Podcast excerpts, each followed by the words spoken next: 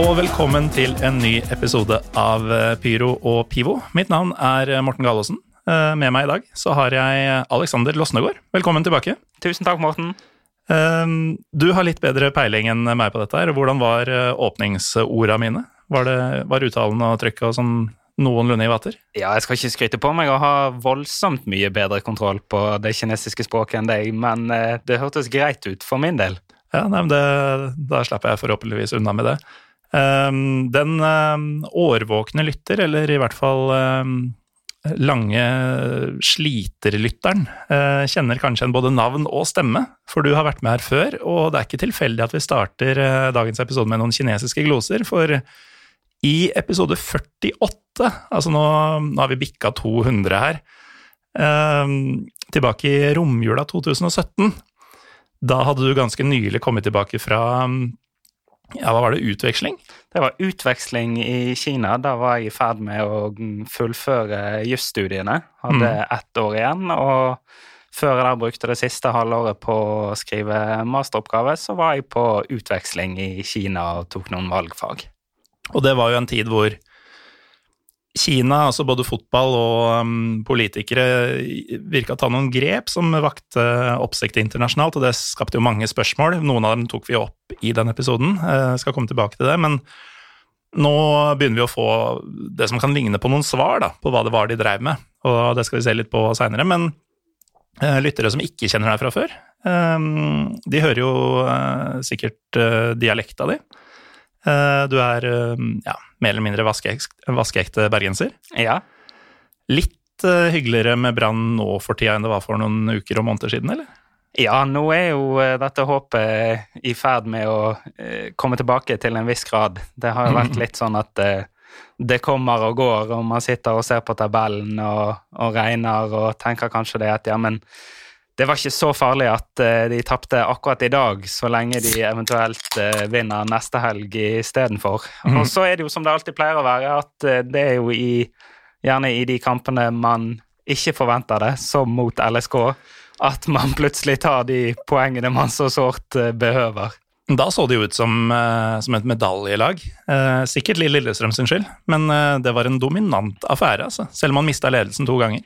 Ja, det er jo å, å, se for seg at de skulle ha kommet tilbake fra noe sånt tidligere i sesongen. Det hadde jo vært helt utenkelig.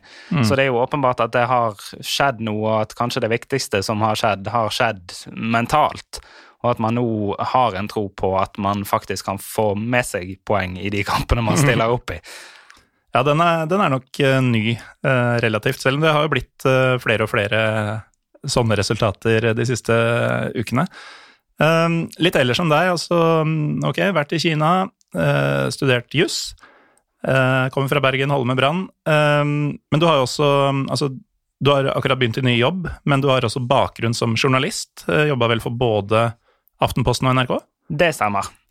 Så det er en, eh, en allsidig fyr med, som har vært steder og sett ting og gjort ting og jobba med ting. Ja, det er vel en grei oppsummering. Um, så Kina, da. altså det, det, føles nesten rart å ta opp uh, Kina og kinesisk fotball nå, fordi uh, der de var på alles lepper for en ja, tre-fire-fem år siden, så er det liksom ingen som snakker om dem lenger. Uh, og det er jo ikke uten grunn, for så vidt, men nå har det jo blussa opp litt nå i det siste.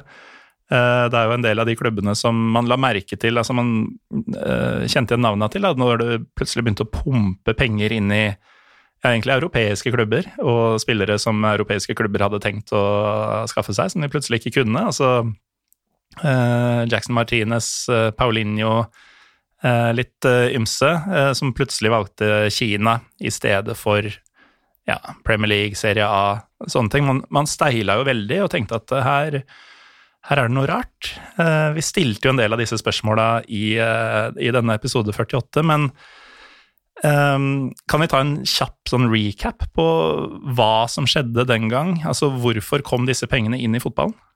Ja, jeg, jeg, hørte jo på episoden da jeg gikk til jobb i dag, og det var jo nesten en litt sånn surrealistisk opplevelse å høre hva ståa var på det tidspunktet kontra hva den er i dag, nettopp fordi, som du sier, at nå hører vi egentlig ingenting om kinesisk fotball lenger. Men det som skjedde på det tidspunktet da jeg var der, det var jo i eh, høsten 2017. Og det var jo sånn omtrent Det var en ideell tid å være der, for det var omtrent et års tid etter denne store eh, kjøpefesten hadde funnet sted. Mm. Og, det var jo et vindu der hvor kinesiske klubber handlet for til sammen flere milliarder. Men det var jo bundet jo til syvende og sist i et eh, politisk ønske om at Kina skulle bli en fotballstormakt. Og det går jo helt til toppen, til president Xi Jinping, Mm. som eh, har ønsket seg det at Kina skulle bli en stormakt i Asia innen 2030. Og eh, aller helst da vinne VM innen 2050. Og det er jo et utrolig ambisiøst mål for en fotballnasjon som har vært i VM én gang, i 2002, og som eh, stort sett ellers eh, aldri har vært i nærheten, og som egentlig har veldig lite å vise til fremdeles. Mm. Nå ligger de i skrivende stund på 75.-plass på Fifa-rankingen, og det betyr at de ligger omtrent eh, og har ligget omtrent på stedet hvil de siste ti årene. Men det er bundet i en, et politisk ønske som jo ble etterfulgt av kinesiske investorer om å investere i fotballen både hjemme og ute. Og det var jo det som resulterte i denne bonanzaen som Mm. vi så eh, rundt 2016-2017. Ja, for én ting er jo at eh, de henta masse ettertrakta spillere, ga dem vanvittige lønninger. Eh, det var også noen nordmenn der borte som, som fikk til salt i maten på et år eller to der. Men en annen er jo at altså det ble jo kinesiske eiere i flere store klubber. altså Den derre farsen som utspilte seg i AC Milan, f.eks. Og der også var det jo meget rike folk med både holdt på å si, egne og landets penger bak seg, og sånn, som kom med disse lovnadene. og Der ble det også tyst eh, ganske fort. Altså, de, de, de er jo ikke der lenger. Nei, der ble det tyst, og i Atletico Madrid var det jo kinesere inn og ute. og altså På, på høyden så var det vel en rundt 20 europeiske toppklubbere som var helt eller delvis eid av kinesiske investorer. Det antallet er vel nå sånn cirka halvert et sted. Sånn at det var jo eh, på den tiden et veldig tydelig signal om at de skulle ta med seg pengene sine ut i verden, og nå har de egentlig da i den nyeste femårsplanen eh, fått et tilsvarende budskap om å ta de pengene hjem igjen. Ja, for femårsplanen virker som et ganske I hvert fall når man ser tilbake på at det nå er fem, år tid, fem års tid siden den derre store kjøpefesten. Eh, virker som et sentralt begrep i, i Kina. Ja, Det er jo generelt et veldig sentralt begrep i Kina. Og så er jo kanskje litt av utfordringen som vi nå ser, det er jo det at eh, en femårsplan det er jo ganske kort tid eh, når du betrakter det fra et fotballperspektiv, når tanken er at du skal eh, løfte noe som ikke har vært spesielt bra, til å bli veldig bra, ideelt sett. Da snakker vi jo kanskje egentlig om perspektiver på altså 10-15-20 år, et generasjonsperspektiv. Ikke et 35 år angående dette VM-gullet de skulle løfte. Ja, ja. Og da, og da sitt, tenke at man skal finne eh, fasiten i løpet av en femårsperiode, det er nok kanskje litt vel ambisiøst. Ja, og det som skjedde altså, med de kinesiske klubbene som henta disse spillerne, var jo at uh, de brukte jo enorme summer i overgangspenger og selvfølgelig på lønn. Um, men det var jo ikke sånn at man, man pumpa jo ikke klubbene fulle av superstjerner. Altså det var en veldig sånn streng eh, utlendingskvote man skulle fylle og sånn, for det Som du sier, det handla jo om å løfte kinesisk fotball som helhet. Eh, det var sikkert eh, en del konspiratoriske tunger som lurte på om det var Altså, det, er jo mange i Vesten som har et litt sånn skule litt mot Kina. Tenker at disse er noen utspekulerte folk som har en agenda. Uh, sikkert flere som tenkte at de prøvde å destabilisere den vestlige fotballøkonomien og, og sånne ting, men det Ja, en Det- som til og med var inne på den tanken, det var jo faktisk eh, Antonio Conte. Mhm. Som da Chelsea solgte Oscar til eh, Shanghai SIPG for det var vel 60 millioner euro på det tidspunktet, eller pund. mm. Så mente jo han det at den kinesiske fotballen den var en, en trussel mot hele verden og alle fotballklubber. Ja, at de kunne presse opp eh, priser og lønningsforventninger og sånn til på en måte mm, useriøse nivåer, da, og dermed på en måte spenne bein på det vi driver med i Europa, eh, Mm. så kan man jo si at det klarer Europa fint selv.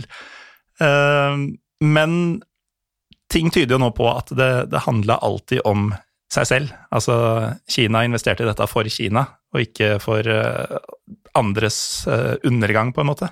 Ja, hvis man skal se i det store bildet, så var jo målet hele tiden at man skulle eh, løfte nivået på den kinesiske ligaen, men primært så handlet det jo om å få opp bedre kinesiske spillere. Og her kommer jo òg en del av denne planen som gjerne ikke ble snakket så mye om på det tidspunktet, og som man fortsatt ikke snakker så mye om. Det er jo det at de har jo lagt ned enorme summer i å utvikle det de annet kaller nærmest fotballskoler, hvor på en måte fotball er en eh, integrert og kanskje i noen tilfeller den største delen av pensum, men hvor elevene òg går på, på vanlige skoler, og rett og slett bare øker forekomsten av fotballbaner over hele Kina. Mm. Sånn at hele tiden så var det jo den tanken som på en måte lå i eh, bunnen her, men så kan du si at istedenfor at man tenkte at man skulle starte på bunnen på grasroten og så løfte opp og få frem, så kan du si at man valgte nesten heller en sånn sandwich-tilnærming mm. til det, hvor man både skulle holde på med noe på grasroten, men hvor man også skulle begynne på toppen. Og som du er inne på, det var jo eh, strenge begrensninger. Eh, uten at en skal si at jeg husker det sånn helt nøyaktig, så mener jeg at sist gang jeg var her, så var det vel snakk om at eh, de kunne stille med tre utlendinger Jeg tror det stemmer. I kamp, Mm. og én fra, eh, altså fra Asia. At det var liksom den eh, førende Mm. regelen. Og det var jo nettopp fordi at man ikke ville at eh, overprisede, høytlønnede utlendinger skulle presse ut eh, kinesiske talenter som da var på vei opp. Nei, du skulle heller dra dem oppover. Ja. Altså, la oss si, nå tar jeg bare et navn fra, fra lista her, altså Zhang Wenshao. Han eh, skulle da lære av Martinez og Teixeira og, Mm. og disse. Han skulle ikke, skulle ikke utkonkurreres. Uten at jeg vet om dette er en spiller som var i deres posisjon. Det er bare det første jeg så på, på lista mi. Ja, det var liksom tanken at eh, her skal, du- skal du skape en effekt hvor eh, den erfaringen og de ferdighetene som de på toppen sitter med, de skal komme de under til gode. Og så ser man jo da i dag at eh, landslaget ikke blitt merkbart bedre. Um, og det skjer jo ganske tydelige Altså det er en del tydelige tegn i tiden da, på at uh, dette prosjektet har vel uh, altså blitt uh, skrota, rett og slett, av de øverste. Nå ser vi jo Vi har nevnt det så vidt i bisetninger her, at noe av grunnen til at vi tar denne episoden nå, er at det dukker opp saker om både konkurser og bailouts og ja, at man rett og slett står på stedet hvil, da, eh, kontra hvor man var før man begynte med alt dette her. Um, og noe av dette er jo da nevnte Guangzhou Evergrande, som, eh, som er en historie i seg selv, for så vidt. Men eh, jeg kan jo bare, hvis jeg nevner noen av lagene som deltok i 2020, eh, så har du jo da dem, og så har du um, Guangzhou ROF, du har Shanghai Greenland Shenhua, um, og du har Hebei China Fortune, bare for å nevne noen. Eh, det er vel omtrent ingen av disse som heter det samme nå et år seinere. Nei, vi koste oss jo sist med en del av disse her eh, bokstavelig talt eh, firmanavnene. Mm. Da jeg var i Kina, så kunne jo en del av disse kinesiske ligaene nærmest høres ut som sånne bedriftsfotballigaer, fordi Mm. det var liksom det rådende elementet i navnet. Men nå er det, er det ikke lov lenger å ha firmanavn eller selskapsnavn i klubbnavn. Nei, så etter at det nærmest var um, Altså, man ble oppmuntra til uh, at disse firmaene skulle bare gå inn og nærmest ta over med, med pengene sine og bare få navnet sitt på det, så er det nå rett og slett blitt ulovlig. Ja, og et tydeligere signal enn akkurat det, det skal man jo kanskje lete ganske lenge for å finne. Mm. Ja, for sånn Nå heter da Guangzhou Evergrande bare Guangzhou FC. Mm. Uh, gjort det veldig enkelt. ja. Um, og dette er jo da igjen på grunn av at nå har myndighetene bestemt at uh, pengene skal ikke inn i fotballen lenger. Altså En ting er at de ikke skal ut av landet uh, og fotball i andre land, men de, uh, de har rett og slett uh, fått andre ting å, å fokusere på.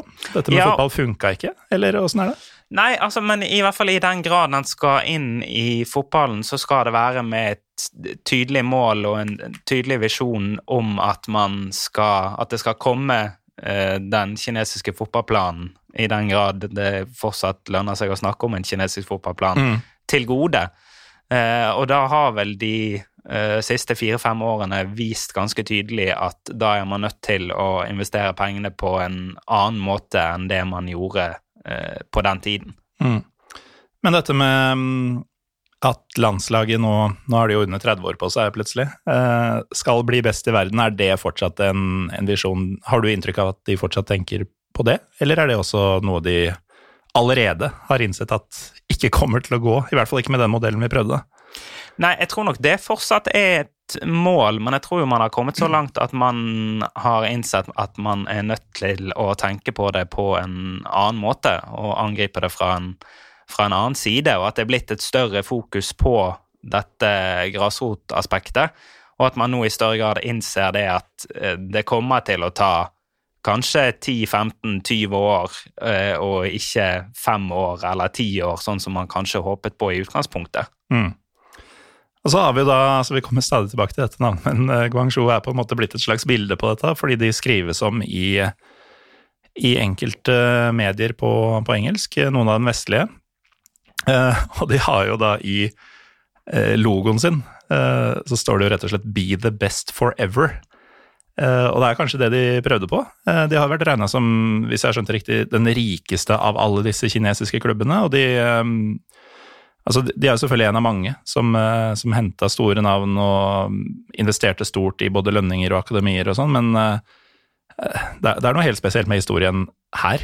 Altså, Ja, det, altså det er jo en klubb som er et veldig godt bilde på hele denne reisen. Mm. Sånn at eh, vi kan jo egentlig bare ta lytterne med på den reisen. De fleste har jo sannsynligvis nå lest om Evergrande den siste tiden, og ikke da nødvendigvis fotballklubben, men denne gigantiske kinesiske utbyggeren som står på konkursens rand og skylder ja, det er vel snakk om hundrevis av milliarder av dollar.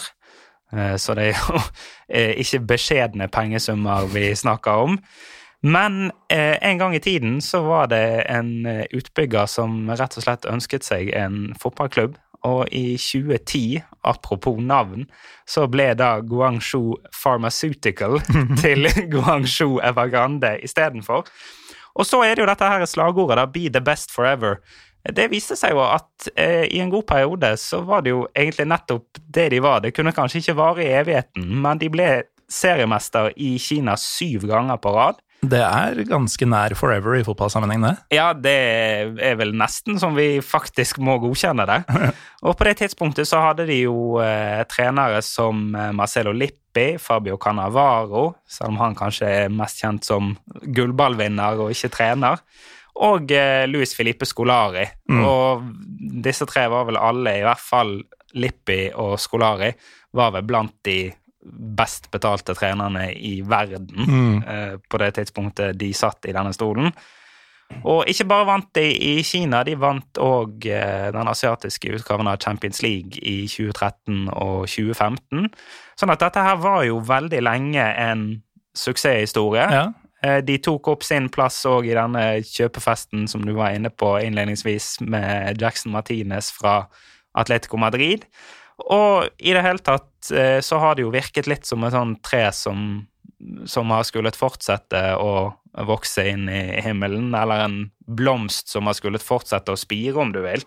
ja, det kan du jo si, for eh, de skulle jo bygge et nytt stadion som Det skulle de. Eh, Det er under oppføring, angivelig, så Ja. holder, de på, holder de på enda. Det var det siste jeg leste i dag, at eh, den utbyggingen står angivelig ikke i fare. Den begynte i april i fjor. Og grunnen til at jeg sa blomst, det er jo det at fordi hvis man søker på denne stadion, så er det jo en lotusblomst av de sjeldne Ja, er eh, som lyser opp i en blanding av oransje og rød og i det hele tatt. Ja, den er, eh, den er rett og slett eh, voldsom, eh, og vi har ved et par anledninger nå sagt et godt bilde på det og det. Den, det stadionet der og de planene, det er et greit bilde på kinesisk stormannsgalskap og trær som virkelig vokser inn i himmelen, for det For det første ser det jo helt sinnssykt ut, og for det andre så skulle det jo bli skulle bli verdens største rene fotballstadion. Mm. Um, Skulle ta over eh, 100 000 tilskuere og Mm. koste rundt 12 milliarder. Ja, det stemmer. Det, og det er jo bare et drøyt år siden de begynte med det. Mm. Så det, det føles jo helt vanvittig nå at uh, Guangzhou Evergrande altså, ja, eller Fortell, hva, hva er det som skjer med Guangzhou Evergrande nå? Det er jo De er jo i trøbbel. De er jo i trøbbel, eh, helt åpenbart. Man frykter jo det at de kan komme til å lide samme skjebne som eh, Jiangsu, som ble seriemester i fjor, for så å kaste inn håndkleet tidligere i år. Eh, hadde spillere som Miranda, Alex Teixeira og diverse andre brasilianere i stallen. Og så fant Jiangsu ut at nei, men dette har vi ikke økonomi til å holde på med, fortsetter fortsette med. Mm. Eh, Det som kanskje kan være eh, en formildende omstendighet for, for Evergrande, som har vært mye omtalt i media òg, det er jo det at dette er kanskje et selskap som er så stort at eh, kinesiske myndigheter rett og slett ikke vil tillate at det går konkurs, og at de vil bli reddet av myndighetene sånn sett. Ja, for det, det er også noe som man kanskje lurer litt på, i hvert fall jeg som alltid har vokst opp med at nei, Kina er kommunistisk og sånn, og det er planøkonomi og greier. Det er nesten rart at uh, noe sånt kan skje uh, i et såpass uh, ja, holdt på å si lite fritt økonomisk samfunn, men det er kanskje en sannhet med modifikasjoner, akkurat det der. Ja, det er det nok. Jeg tror ikke jeg skal meg, begi meg ut på en dyp samfunnsøkonomisk analyse av Kina. Det fins det helt sikkert folk som kan ganske mye bedre enn meg. Og jeg er ikke en av dem. Men eh, det er jo litt som du er inne på, en sitter jo kanskje med et inntrykk av at eh, man sier en ting utad, og så er det kanskje en annen ting som gjelder, Mm. gjelder innad. En del av disse selskapene har i hvert fall fått lov til å vokse seg ekstremt store. Og da ser en jo nå eh, at konsekvensene potensielt kan bli så vidtrekkende dersom Evergrande skulle gå konkurs, at eh, det kan være en fare for økonomien i Kina som helhet, og for verdensøkonomien for den saks skyld, og at en derfor ikke vil eh, tillate det, at de rett og slett vil bli reddet av myndighetene. Men Mm. det er jo ikke nødvendigvis ensbetydende med at, denne, at de vil fortsette å drifte denne fotballklubben. For hvis en først skal begynne å stryke ting som åpenbart ikke gir penger inn, det har jo vært et gedigent tapsprosjekt de siste årene, så er det jo lett å begynne med en, med en fotballklubb. Det som kanskje kan være formildende for Evergrande sin del, eller redde de i denne sammenhengen her, det er jo det at Evergrande er riktignok majoritetseier, men eh, Alibaba-gruppen sitter òg med en ganske betydelig eierandel her på opp mot 40 Sånn at selv om du har at den største eieren sliter, så har du jo òg en, en mindre eier som eh, i hvert fall sist jeg sjekket, skal være relativt økonomisk robust. Mm. Og øh, altså gedigent tapsprosjekt. øh, et bilde på det, da, øh, i de riktig gode gamle dager.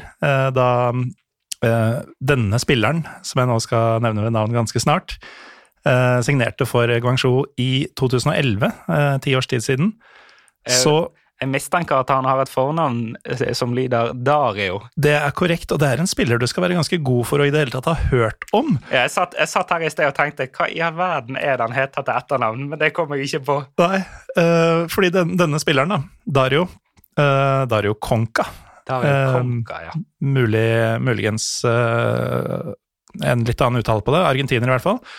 Han gikk til Guangzhou Evergrande i 2011, og ble da regna, i hvert fall, jeg vet ikke om det ble offisielt, men han var regna som den tredje høyest betalte fotballspilleren i verden, kun bak Messi og Ronaldo. Mm.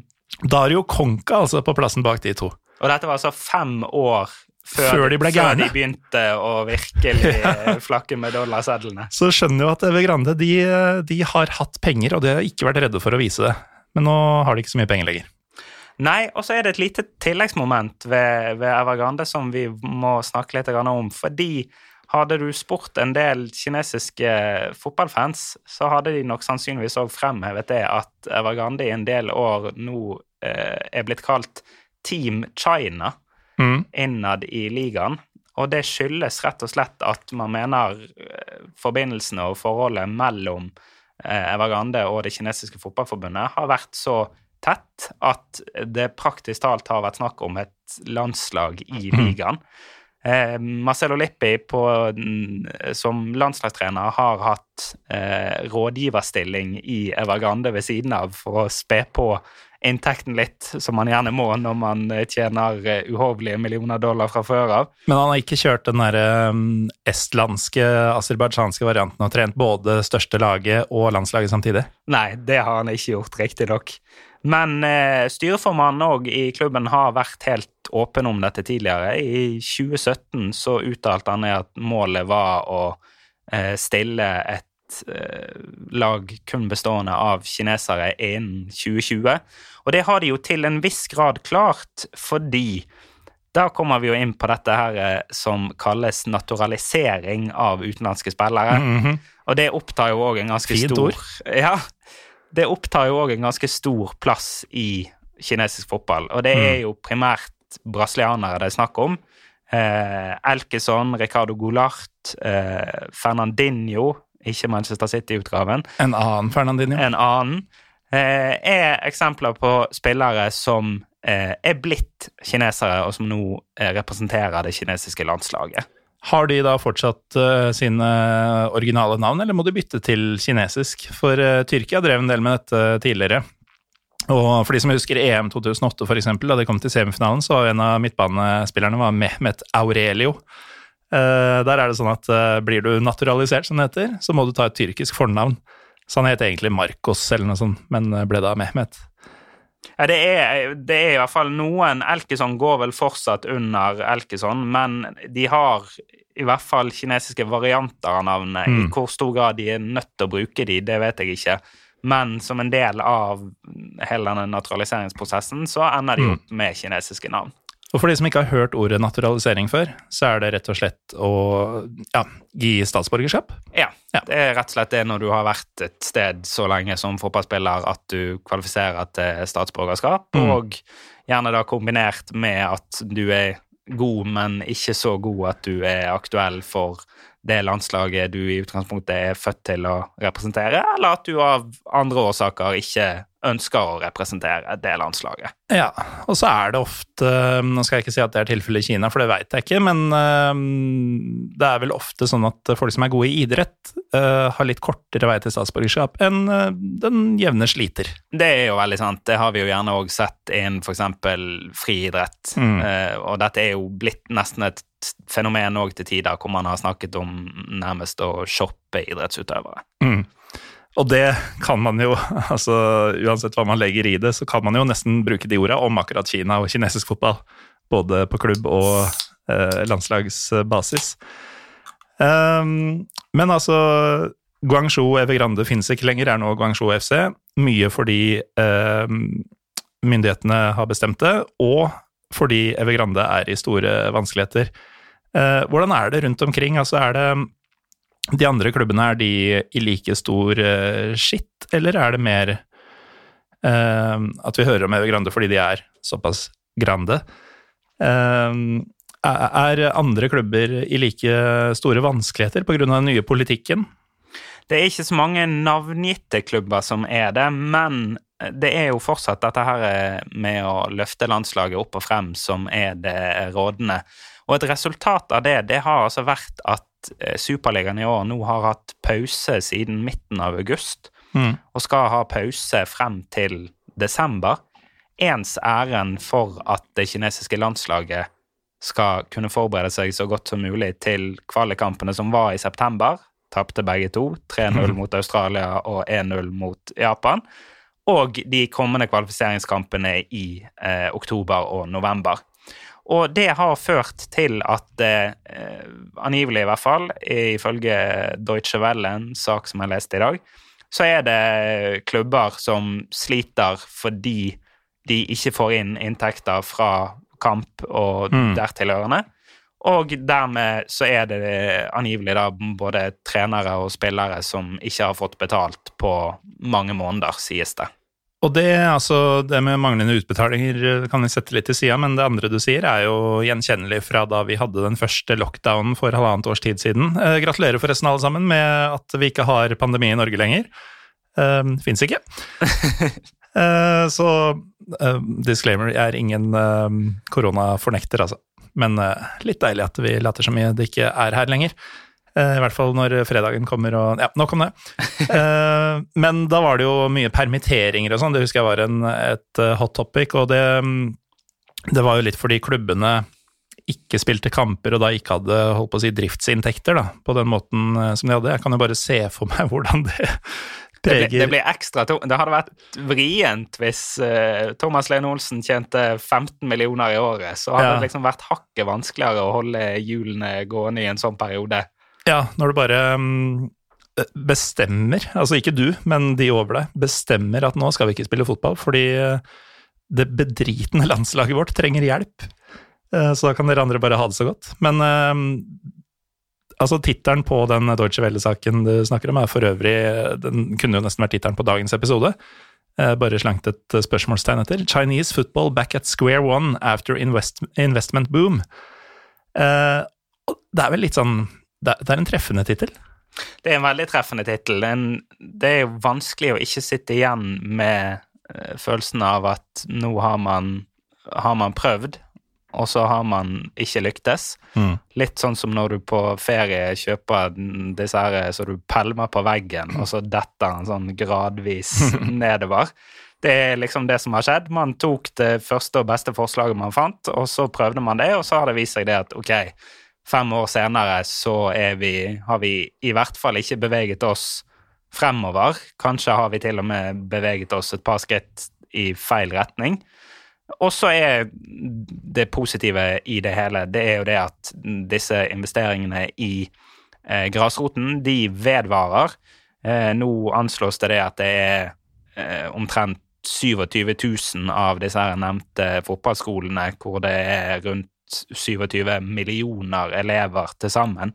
Det er Det- så syke tall, altså. Det er jo det det ligger sant? Det ligger jo en åpenbar fordel her bare i det ekstreme antallet. En trenger jo gjerne ikke å være verken fotballtrener eller biolog eller ha andre fagtitler for å tenke seg det at det må nødvendigvis være lettere å få frem 22, helst litt flere gode fotballspillere hvis du eh, i løpet av, sånn som er målet, innen 2025 har 50 millioner spillere som, eller elever som går på Mm. disse skolene.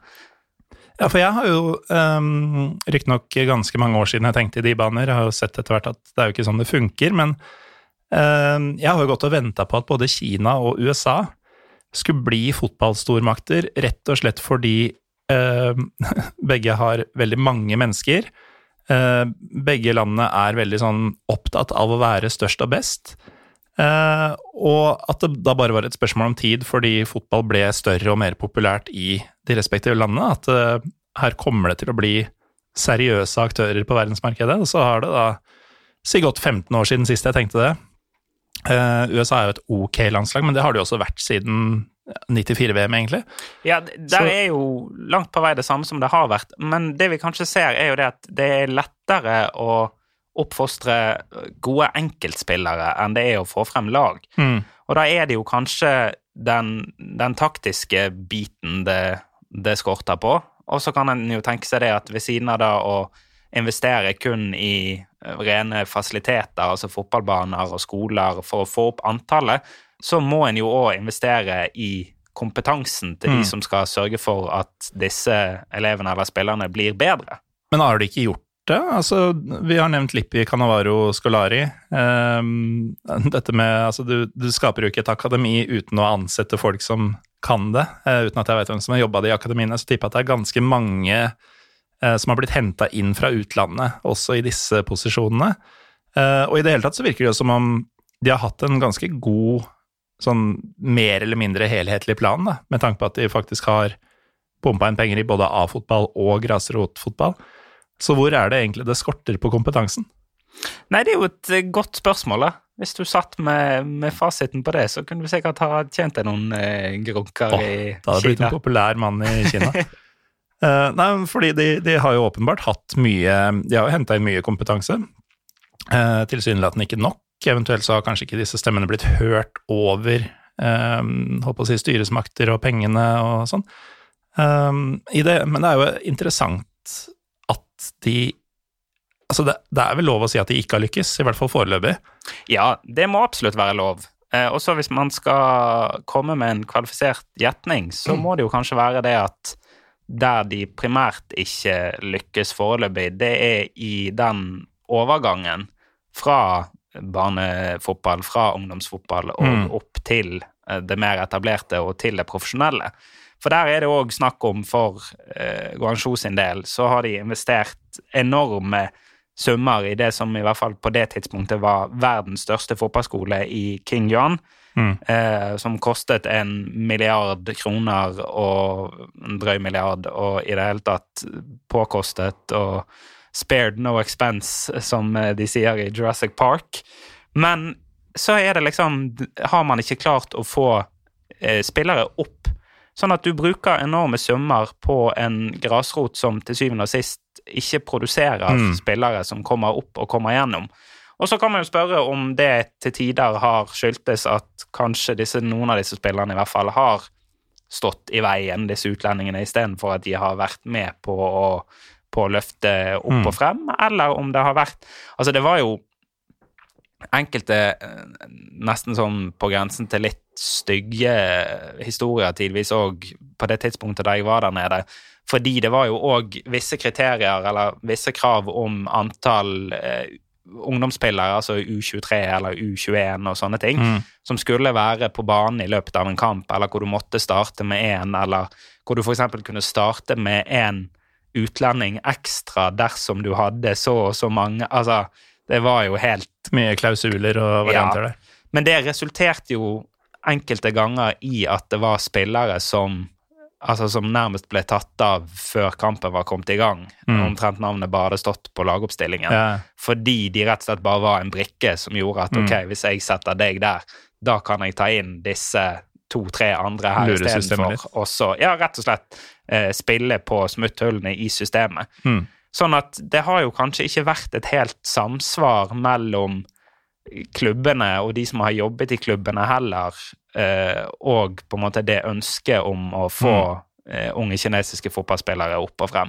Nei, og så er det jo litt sånn eh, Nå blir det jo veldig spekulativt fra min side, men mange av de internasjonale spillerne som kom til Kina, har jo gjort det for pengene.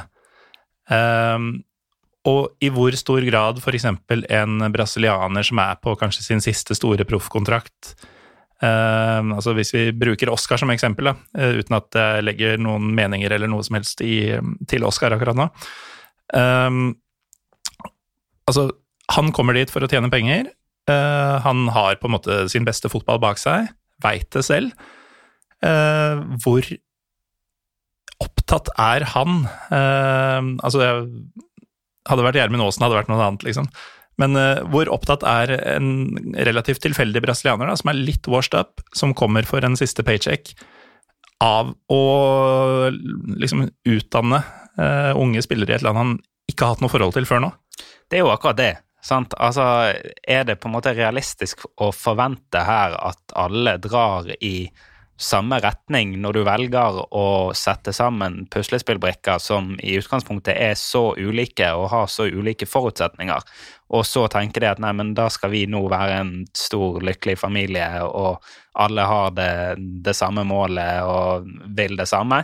Da er det jo kanskje enklere til syvende og sist, som man har gjort nå, å innføre begrensninger både med tanke på Man har innført eh, lønnstak, blant annet og rett og slett til syvende og sist sørge for at eh, forskjellene ikke er så store. De er jo fortsatt store, men at de i hvert fall er hakket mindre. Og så da kanskje heller ta til takke med utenlandske spillere som ikke er på helt det samme nivået som de man så ble hentet inn i 2016-2017, men som det da kanskje er enklere å styre eller instruere, om du vil, til å ta på seg en større rolle knyttet opp mot yngre spillere, f.eks.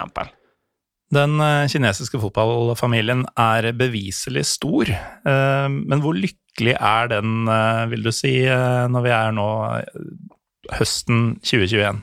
Ca. fem år siden eh, galoppen virkelig tok av. Nei, så veldig lykkelig, det kan han vel kanskje ikke sies å være. Eh, det har vært, og det kan jo være et godt tips for de som eventuelt har litt eh, interesse av kinesisk fotball, eller fotballen i Asia generelt, og følge Wild East Football på Twitter. Det er en brite som bor i, i Kina primært, som, som driver den Twitter-kontoen. Det er alltid en brite. Det er alltid en brite. Det har det jo stort sett vært fra 1800-tallet og frem til i dag, så det slår sjelden feil fremdeles. Selv om det har slått feil på ganske mange måter historisk sett. Ja, det slår stort sett feil. det slår stort sett feil. Vi får kanskje omformulere det til det i stedet for. Men eh, han har vært tydelig på, eller i hvert fall stilt klare spørsmålstegn ved eh, bl.a. dette her valget nå om å stoppe ligaen i eh, tre måneder for mm. å eh, løfte et landslag som er relativt middelmådig, og som etter alle solmerker ikke kommer seg til VM i Qatar heller. Eh, og at det er velegnet til å skape murring. Det trenger en jo gjerne ikke å ha verken så store eh, kinesiske kunnskaper om eller andre kunnskaper om for å skjønne. Særlig hvis da konsekvensene òg er, som det skrives i denne Deutsche Welle-artikkelen, at eh, klubbene sliter økonomisk, og at det er spillere og trenere og støtteapparat som, som går uten lønn, helt enkelt. Mm. Og det det å ikke kvalle til Qatar, altså eventuelle boikott Qatar-stemmer de har vel ikke blitt hørt i noe særlig grad i Kina. Så det, der er det et stort nederlag på alle fronter, og, og atter en gang mislykkes, da. Det, dette handler jo, som veldig mye av det Kina ellers bedriver med, om nasjonal stolthet, til syvende og sist. Mm. De ønsker seg et fotballag som skal være et fyrtårn både i Asia og i verdenssammenheng. Og inntil de får det, eller inntil de får noe som, som ligner på det, så er dette her utvilsomt et prestisjenederlag. Det er det, og ja Det er vel egentlig en god beskrivelse av eh, hele dette prosjektet. Altså de siste fem års eh, investeringer og sånn. Et eh, prestisjenederlag for Kina, kinesisk fotball og kinesiske myndigheter, egentlig. Ehm, da lurer jeg på om vi skal sette strek, jeg. Med mindre vi har glemt noe betydelig. Nei, det tror jeg ikke. Nå har vi nå vært, uh, vært innom det meste. Så får vi jo mm. se om disse investeringene i grasroten til syvende og sist blir det som, som redder de, eller om det kanskje dukker opp en ny femårsplan hvor man igjen skal vende blikket utover og se hva man kan få tak i med fiskestangen. Den som lever under VM i 2050 får se, som jeg pleier å si. Takk, eh, Alexander Losnegård, eh, for at du igjen kom og snakka Kina, som veldig få eh, kan. Takk for at jeg fikk komme. Takk til eh, deg som hører på. Jeg heter Morten Galesen. Vi er PyroPivopod på Twitter og Instagram. Vi høres neste gang vi høres.